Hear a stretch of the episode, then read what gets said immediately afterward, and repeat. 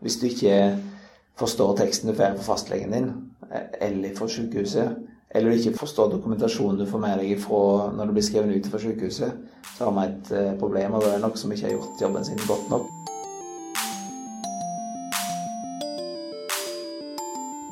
Hei og velkommen til Sykepleiens podkast, som denne gangen handler om klarspråk. Klarspråk betyr, ifølge Språkrådets nettside om temaet, et korrekt, klart og brukertilpasset språk, der mottakerne finner det de trenger, forstår det de finner, og kan bruke det de finner, til å gjøre det de skal. Men sånn er det nok ikke alltid i helsevesenet. Ikke minst kan skriftlig informasjon fra offentlige instanser ut til brukerne ofte framstå som unødig knotete, byråkratisk og tungt. Kommunikasjonssjef ved Helgelandssykehuset, Tore Bratt, har regna på det. Ikke fordi penger er det eneste viktige i denne sammenhengen, men fordi tydelige utslag på bunnlinja ofte kan motivere ledelsen til å ta tak i ting. Bratt mener det kan være mange millioner, for ikke å si milliarder, å spare dersom norske sykehus makter å innføre klarspråk i sin kommunikasjon med pasienter. I første omgang har han tatt tak i innkallingsbrevene pasienter mottar fra sykehuset. Direktøren som ansatte meg, han, han bestilte klarspråksarbeid, for han visste at jeg hadde gjort det før, eh, med godt resultat. Og han hadde en mistanke om at innkallingsbrevene ikke fungerte etter sin hensikt. Det betyr at han var ikke sikker på om pasientene møtte opp, når de skulle, der de skulle, og ikke minst forberedt sånn som de skal. Jeg hørte hva han sa lytta godt, og så tenkte jeg at uh, det er hans mening. Uh, han har ikke undersøkt det godt nok. Han kunne ikke på en måte sette to strek under et svar og si at sånn er det. Og da uh, må du angripe det, og i hvert fall i helsevesenet. Så må du angripe det med, med en faglig inngang, med kunnskap og med ting som kan bevises. Og da setter meg ned og så etablerte jeg et språkprosjekt, et klarspråkprosjekt i Helgelandssykehuset der vi tok, eh, bestemte oss for å ta tak i nettopp innkallingsbrevene, for å se fungerer de etter sin hensikt. Gjør de det vi ønsker at de skal gjøre for å få pasientene til å møte der de skal, når de skal, eh, forberedt sånn som de skal. Og Det har vi hatt ekstern bistand for å få til. Så vi har gjort et stort, stort eh, arbeid med gode konsulenter inne som har snakka med pasienter, ansatte, vi har gjort spørreundersøkelser. Har et stort materiale nå som gir oss ganske så tydelige indikasjoner på hvor hen eh, er problemene rundt innkallingsbrev. Og hvor er de problemene? Ja, det er to ting vi har avdekt. Det ene er at eh, innkallingsbrevene er altfor lange. Og det betyr at eh, pasientene rett og slett blir drukna med informasjon, så den viktige informasjonen forsvinner for dem. Og det har jeg rent sånn helt praktisk opplevd sjøl bare for en liten stund siden. Kona mi skulle på sykehus og fikk innkallingsbrev. og Så satt jeg attmed henne og åpna brevet. Og Det er fem sider. Det er voldsomt. Så tenkte jeg jeg skal ikke si ting. Jeg skal bare se hvordan hun oppfører seg nå. Så begynte hun å lese. Så gikk det en liten stund, og så gikk brevet i veggen. Jeg sier hva du gjør? Nei, det her gidder jeg ikke å lese. Ja, men hva skal du, vet du? Nei, jeg vet hva jeg skal møte, og når tid. Det var det hun fikk med seg. Og så hun drukna. Og det, det, det, stemmer veldig med den undersøkelsen vi har gjort. Brevene er for lange, og det skaper problem for pasienten med å forstå hva er det sykehuset forventer at jeg skal gjøre. Mm. Ja, for hun oppfattet Hun skulle møte der ja. og da, og da var hun fornøyd. Da hadde hun mottatt informasjon, yes. tenkte hun. Men hvilken annen informasjon er det hun burde ha fått med seg? Vi har noe viktig informasjon der som eh, sier noe om hvordan vi vil at pasienten skal forberede seg før han møter. Det handler om skal du ha med medisinliste, skal du ta urinprøve, skal du ta blodprøve, hvis du skal til Og nå kommer et vanskelig ord koloskopi. Som er et vanskelig ord for at vi skal inn med kamera en plass der sola aldri skinner. Da skal du ha et tømmerregime. altså Det betyr at du skal tømme tarmen før du kommer. Mm. Så skal du være fastende. Fastende i seg sjøl er òg et vanskelig begrep for en pasient. Hva det betyr? Jo, det betyr egentlig at du skal ikke spise og drikke tolv timer før du kommer. Ja, hvorfor skriver vi ikke det? da? Hvorfor skriver vi fastende? Altså, Den type problemstillinger vi har. Og det er de tingene vi forfølger nå. Eh, og Det er derfor vi nå prøver å få andre aktører med på banen, for å se om vi klarer å få det her til å bli noe større enn bare Helgelandssykehuset. Mm. Dere trenger flere med på banen, ikke, ikke bare fordi uh, det skal bli eh, større og flere skal få glede av det, men også fordi det er jo ikke bare for dere å kutte den ned. Nei. kutte ned teksten etter eget forgodtbefinnende heller. Prinsipielt eh, kan vi gjøre det. For vi er en juridisk enhet, så i juridisk forstand. så Vi er en egen virksomhet, så vi kan egentlig gjøre det. Mhm. Men det er ikke noe lurt. De brevmalene som vi bruker, og grunnlaget for de her brevene, her, det er jo Helsedirektoratet som eier. Derfor er vi i dialog med dem om akkurat det her. For å finne ut hva kan vi gjøre i fellesskap for å lage bedre brev. Og er det ting i de her brevene her som utover eh, når, hvor og, og den biten der, men som handler om hvordan du skal forberede, så vi kan gjøre på vegne av alle sykehus. For det her er noe ting alle sykehusene stiller med hver dag. Blodprøve, urinprøve, medisinliste. Så derfor har det vekst fra Lille Helgelandssykehuset til eh, noen ting som vi gjør i Region Nord. Og nå ser jeg at nei, nå må jeg faktisk til Oslo og snakke med enda større spillere for å se om vi klarer å, å gjøre noe stort. Så både Difi og, og Språkrådet er, er med oss. Dette har jo betydning for hver enkelt pasient, men kan du si litt om eh, betydningen totalt sett? Altså du har regnet litt på hvor mange hva skal vi si, konsultasjoner som ikke går som de skulle pga. det her? Med utgangspunkt i de funnene vi gjorde eh, i den såkalte hovedanalysen vår, så gjorde vi en ekstra undersøkelse for å få bekrefta stemmer det bildet som vi nå ser. Det at pasienter i stor grad ikke møter forberedt sånn som de skal. Og Da må jeg si først at pasientene i seg sjøl er ganske fornøyd med innkallingsbrevet. Eh, Men når vi går og snakker med de ansatte, så er en veldig stor andel av de eh, veldig misfornøyd. Fordi de erfarer konsekvensene av brevet, nemlig at pasientene ikke kommer forberedt sånn som de skal. Og Når du da skal arbeide med å få aksept for denne type prosjekt i et sykehus, der veldig mye er forskningsbasert, da må Det du må være det forskningsbasert, ellers må det synes på bunnlinja. Ja, og da kommer vi til det. Da eh, har du et valg. Ja, da må jeg vise at det synes på bunnlinja. Da setter du det ned, og så gjør du eh, noen beregninger. Tar du kontakt med det, det fine ordet controller, altså folk som har ansvar for eh, å følge med på økonomien og på alle de kvalitetsindikatorene vi har i sykehuset, at da leverer vi det vi skal. Så får du dem til å bidra med å gjøre beregninger av hva betyr det for et sykehus når en pasient ikke møter, hva koster oss? Og hvis en pasient ikke møter forberedt sånn som han skal, og vi må gjøre det en gang, ta en ny time og alt det her, og ta opp inntekt og sånn, hvor, hvor mye utgjør det? Både helt spesifikt har jeg gjort det på en type behandling, og jeg har gjort det på generelt grunnlag òg. Og du kan si, Hvis vi tar det på det laveste nivået, én pasient som møter koloskopi, altså undersøkelse i tarmen, ikke forberedt sånn som skal, vi må sende han hjem og be han om å tømme tarmen til neste gang han kommer og møter fastene, det har vi et tap på den, bare på den ene pasienten på rundt 1500 kroner.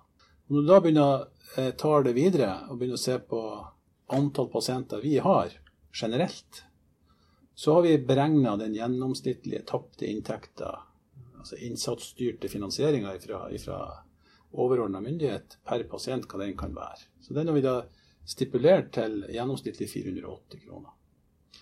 Og Hvis undersøkelsen vår stemmer i Lille Helgelandssykehuset med rundt 80 000 polikliniske konsultasjoner, og vi antar at mellom 5 og 20% av de pasientene ikke møter forberedt sånn som de skal, så kan du begynne å gjøre interessant matematikk. Og du kan si at Hvis vi da klarer å få 5% flere av de her pasientene til å møte opp hos oss forberedt sånn som de skal, så betyr det 2 millioner kroner rett inn på konto. Og da har jeg jo tatt det videre. Så jeg gikk inn og så tenkte jeg det må jo da finnes noen nasjonale tall her. Og da fant jeg hos SSB antall polikliniske konsultasjoner i norske sykehus i 2015. Somatiske, altså ikke psykiatrien, bare somatikken. 5,8 millioner polikliniske konsultasjoner. Hvis vi nå da antar, konservativt, at 5% av de her at vi klarer å få 5 flere ut av de her til å møte forberedt sånn som de skal. La oss si at det er 15 eller 20% Men la oss si at vi klarer å ta 5% av de med nye, gode brev til å møte forberedt sånn som de skal. Vi får gjort det vi skal. Første møte, ferdig ut. Så, vi, så snakker vi altså om 300 000 polikliniske konsultasjoner som frigjøres. Og vi vet at vi har lange ventelister. Så det er en gevinst. 300 000 konsultasjoner og ganger med hvor mange kroner?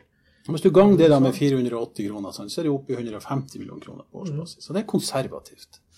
Hvis vi nå antar at la oss nå si at det er en 20% effekt her, igjen veldig konservativt regna, så snakker vi om en halv milliard plutselig. Så hvis noen som er skarpere skrudd i hop enn meg, setter seg ned og begynner å regne på la oss nå kalle det samfunnsøkonomiske regnestykker Tapt tid for sykehus, tapt tid for pasienten i forhold til arbeid, den type ting. Transportutgifter, what not. Så tror jeg at uh, det blir sånne summer at uh, man kan rett og slett ikke la være å gjøre noe. Og uh, håpet er jo å få med flere, og få det her til å bli noe større enn Lille Helgelandssykehuset. Men vi kommer til å gjøre det hos oss uansett. Nå har det vært hos Helsedirektoratet i dag. Ja. Hvis da disse øh, malene de benytter seg av, og som veldig mange sykehus, hvis jeg skjønner det riktig, benytter seg av i neste ledd, blir strammet inn kraftig, er da problemet i hovedsak løst? Nei, det, det er begynnelsen. Det, det er jo mange, mange mange brev som skal håndtere mange mange ting i, i et sykehus. Eh, Du begynner med det enkle. og det er litt sånn her, Du må, du må, du må gjennomføre det her og måle det og bevise at du har rett. Sant? Du må vise beviselig om, når vi er ferdig med det arbeidet her, at ja, vi gjorde sånn, endra sånn, her er effekten. Vi frigjorde så og så mange timer, og inn, sykehuset vårt fikk så og så mye mer inntekt. Hva er fremdriften? Hva er det neste som skjer nå? Nei, nå eh, er vi kommet sånn at nå eh, Og det er jo litt artig. Vi har jo også fått kontakt med eh, Eller en forespørsel fra Universitetet i Oslo, retorikkstudiet der. Så vi har noen studenter inne derifra som er inne og gjør eh, undersøkelser på språkdannelse i et sykehus. For å gi oss et annet perspektiv på det arbeidet som vi har gjort. Så skal vi legge de to tingene i hop, og så skal vi starte endringsarbeidet. Og dette er jo en smitte som du vil ha i et sykehus. Hvis du skal få klarspråk inn i spesialisthelsetjenesten, inn i sykehusene, eh, som blir varig, og som eh, etter min erfaring smitter, i den forstand at eh, klarspråket blir sakte, men sikkert overført til sykepleiere, leger og andre, både skriftlig og muntlig, så tar det tid. Pasientene sine, sin informasjon som vi forvalter i de ulike systemene, den er jo nå tilgjengeliggjort gjennom helsenettet. Så folk kan logge seg inn og lese sine egne epikrisejournaler og whatnot. Og det tenker jeg er Sakte, men sikkert så må vi tilnærme oss også den biten. Men jeg har veldig tro på positiv smitte. Vi må begynne med det enkle. Så tenker jeg at det er smitte, så danner jo grunnlaget for og kanskje begynne å se på de mer kompliserte tingene. Så, så det er derfor jeg sier at det her, det her kommer til å ta tid. Jeg vet at det tar tid. Det tar lang tid, for at du skal ha folk med på ferden. Det her er ikke noe du beslutter på et, eh, på et ledermøte eller et styrerom at eh, her, nå skal vi ha det sånn. Det her er kultur.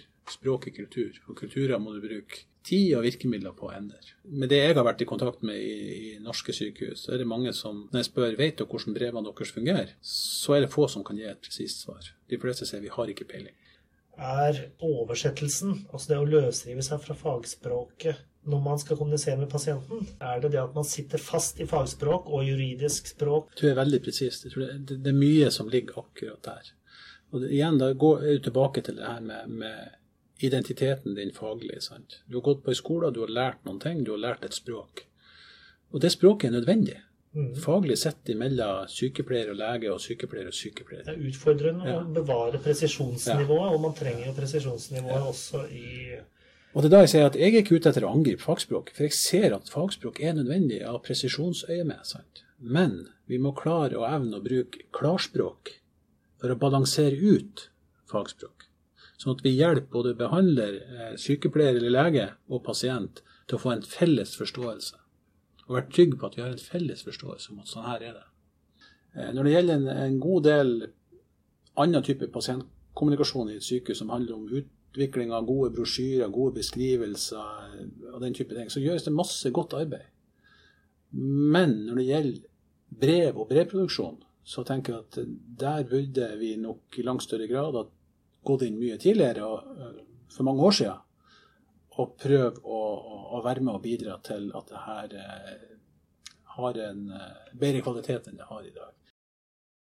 Det var altså kommunikasjonssjef Tore Bratt ved Helgelandssykehuset. Dersom du googler navnet hans og ordene 'klart det lønner seg', så finner du fram til et foredrag der han forklarer pasientbrevprosjektet mer i detalj. Vi har også snakket med Vidar Lynghammer i NTB Arkitekst. Lynghammer har jobbet i rundt 15 år med å få en rekke offentlige instanser, som bl.a. Nav, Mattilsynet og Statens innkrevingssentral, til å skrive sånn at folk forstår. Han har også litt å si om språkbruk i helsesektoren. Vi ba ham aller først forklare hva klarspråk i bunn og grunn dreier seg om. Det handler om at eh, leserne skal eh, møte tekster der de er i stand til å både finne det de har bruk for, forstå det de finner, og ikke minst bruke det til å gjøre det de skal. Det er et forsøk på å løse et problem som vi vet er veldig stort, at veldig mange innbyggere i Norge sliter med å forstå, forstå seg i offentlig kommunikasjon. Mm, ja, men det- Hvor er det det syndes mest, og på hvilke måter? Det blir via masse oppmerksomhet til digitale løsninger, til nettsider, til digitale skjemaer osv., at det som regel blir veldig bra. Mens fortsatt så er det en enorm mengde med kjedelige brev, eh, e-poster, som er en viktig del av forvaltninga og kommunikasjonen med, mellom innbyggere og stat og kommune, og at der eh, møter du et språk som ligger langt tilbake i tid, som er lite tilpassa leseren, og som veldig ofte er preget av et sånn avsenderperspektiv, der det er viktig å få gjort en eller annen oppgave, eh, men at det i liten grad er knytta til at det faktisk skal brukes til et eller annet. Det er særlig der det skorter. Men folk klarer jo stort sett å prate med hverandre. Hvorfor knoter det seg til? Det er nok mange grunner til det. Det er jo En viktig grunn er nok at det er mye skumlere med skriftlig kommunikasjon, for det blir stående eh, uten at du kan eh, nyansere, forklare mer, eh, fortelle hva du egentlig mente. Så det som i alle fall slår inn, er sånn ønske og behov for at det skal være vanntett, eh, faglig solid, eh, presist, ikke minst. Og det er jo alt det der er viktig. Eh, og så lenge du klarer å kombinere det med at teksten samtidig er forståelig og tilpasser det som faktisk skal lese den, eh, så trenger det ikke være et problem. Men veldig ofte så er det, er det at hensyn, det hensynet til oss sjøl, altså hensynet til presisjon, til faglighet, at alt som eh, eh, alle juridiske krav er tatt hensyn til, det er det som er Det stopper der ofte, da. At eh, det ikke er kombinert med en tanke om at noen skal bruke det til et eller annet. Og det som går igjen, er jo at eh, veldig mange i liten grad, eller i for liten grad iallfall, har tenkt på hvem er det som faktisk skal bruke teksten. Hva forutsetninger er det disse eh, brukerne har. Eh, og det er jo noe som klarspråksatsinga har bidratt til. Det å få flere til å faktisk snakke med brukerne sine. Spørre dem. Teste tekstene. Eh, går det an å fylle ut denne teksten, nei, dette skjemaet? Eh, forstår du hva du skal gjøre når du får denne teksten? Ofte er, er, skal det ikke så veldig omfattende testing til før du ser hvor skoen trykker, og, du, og du ser hvordan du kan forbedre en tekst. Er det mye bevissthetsgjøring som skal til?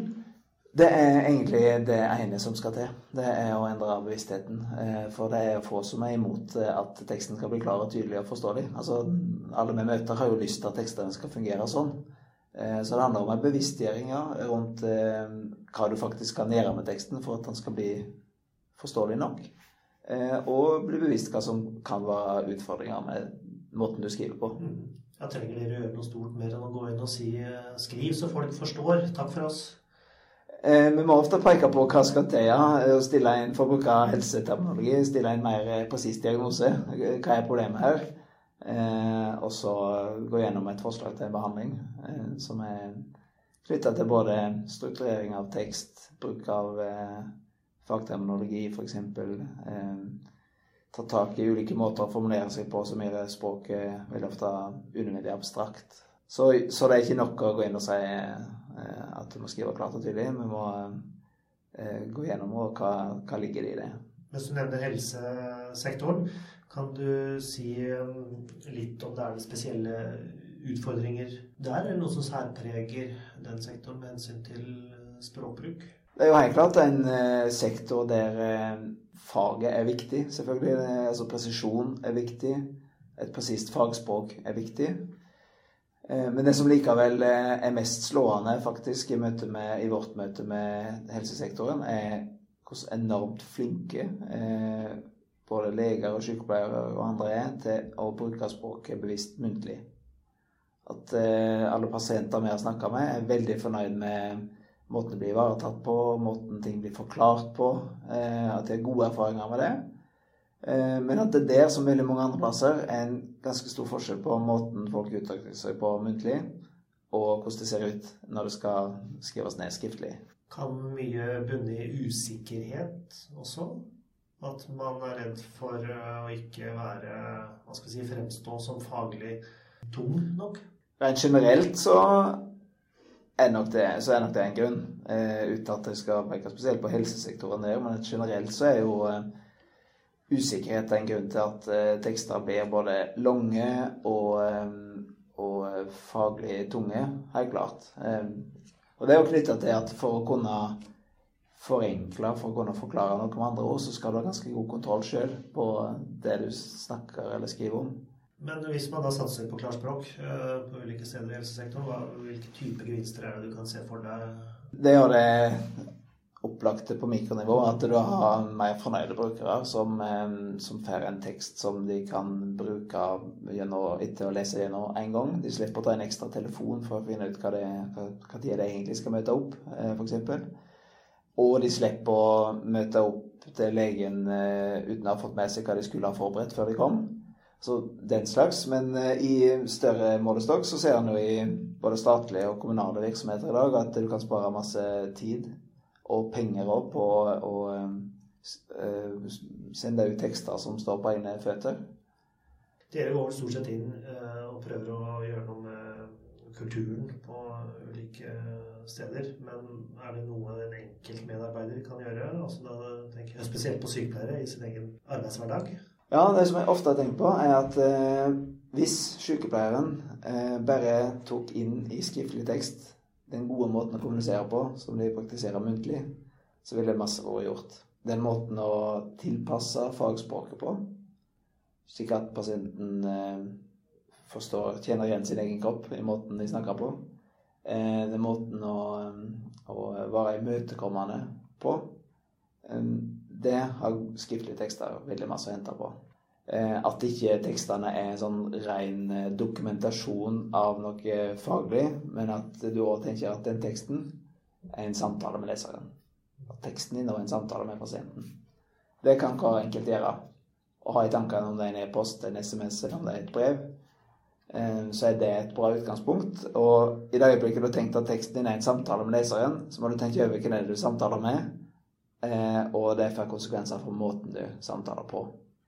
Eh, F.eks. jeg var borti en tekst i en kommune der, en, eh, der det handler om det er et brev som går ut til en eh, person som har fått vedtak om langtidsplass. Som er en stor hendelse i livet til en person, at du skal flytte hjemmefra og inn på sykehjemsplassen. Der, der du finner formuleringer som at flytting av beboer kan iverksettes etter avtale. Sånn står det om denne personen som fører dette brevet der du møter et språk som er så upersonlig og mekanisk Det høres ut som de snakker om konteinere på havna, sant? og ikke en framtidig beboer på sykehjemmet. Den der manglende bevisstheten om at eh, det er folk du møter, og at den personen som får det brevet, leser det brevet én gang i livet, selv om det er rutine for den som sender ut. Så leser mottakerne disse tekstene én gang i livet. Og det er måten brevet, eller tekstene våre er formulert på, sier noe om, om hvordan vi ser på folk der ute. Det er det som opprører meg mest, egentlig. Og i andre sammenhenger, når, eh, som er også ganske vanlig, at, eh, at når du skal gi et eh, negativt budskap, så skal vi tro at vi tar hensyn ved å pakke det inn. Mens det vi i praksis egentlig bare tar hensyn til, er oss sjøl, behov for å ikke virke så streng. Et viktig perspektiv i helsevesensammenheng er jo det at det er jo en plass der du møter alle. Altså unge og gamle med all slags forutsetninger og ulik bakgrunn. Eh, og vi vet at eh, veldig mange nordmenn har lese- og skrivevansker. Veldig mange av de som skal inn, er gamle og har dårlig syn. Eh, ganske mange har et annet morsmål enn norsk. Sant? Veldig mange ting her som peker på at tekstene må kokes ned til et sånn minste felles multiplum, der, der du tar hensyn til alle de som kan så lite og som veit så lite. Eh, så det, eh, og, det gjelder jo uavhengig av kanal og måte å kommunisere på. Altså at med, med, nye måter å kommunisere på, om det er i digitale løsninger eller hva enn det er, så er fortsatt språket en sentral del. Og hensynet til og det hensynet du må ta til de ulike leserne, er knytta til språklige grep og språklige valg veldig ofte. Så jeg syns på en måte er, klars, viktigheten av klarspråk er virkelig inne på i kjernen når det gjelder helsevesenet. Det, hvis du ikke forstår teksten du får fra fastlegen din, eller fra sykehuset, eller du ikke forstår dokumentasjonen du får med deg ifra når du blir skrevet ut fra sykehuset, så har vi et eh, problem. Og det er noe som ikke har gjort jobben sin godt nok i å trygge og gi den, den pasienten den informasjonen han har behov for. Ser du noen store trekk i utviklingen når det gjelder bevissthet rundt klarspråk, i særlig det offentlige? Ja, enorm utvikling. Det er en gigantisk forskjell på når vi starta opp for 15 år siden og um, snakka med svenske språkkonsulenter og møtte en situasjon i Sverige som var totalt annerledes enn i Norge. Der det var en stor bevissthet rundt det, mange som jobba med det. På den tida, eller på de årene vi har jobba, så har, har, vi vært gjennom en veldig stor satsing i staten, eh, som jo har ført til at du får ganske ofte klare tekster fra Nav. Får, eh, det er lett å, å levere selvmeldinger. Eh, det er skjedd veldig masse på, i mange virksomheter. Nesten alle statlige virksomheter har vært gjennom en annen språklig revidering, arbeid. Og i dag med satsing i kommunesektoren, der eh, KS eh, særlig har tatt en stor og viktig rolle i å koordinere og stimulere til glassboksarbeid i kommunene, så er det veldig mange innbyggere som nyter godt av eh, vedtak som de forstår, digitale løsninger som er lette å bruke, og der det er testa på forhånd at innbyggerne faktisk klarer det. Så blir det snart arbeidsløse, da? Ja, vi frykter det. Ja, heldigvis så så går ikke, i, går ikke utviklingen i retning mindre tekst eh, likevel. Og det er absolutt masse upløyd i diverse bransjer. F.eks. i næringslivet er det fortsatt gjort ganske lite. Det var altså Vidar Lynghammer fra NTB Arkitekst som du hørte der til slutt. Dersom du vil høre flere podkaster fra Sykepleien, så finner du alle på iTunes, på podbean.com og via våre nettsider sykepleien.no. Jeg heter Ingvald Bergsagel. Vi høres.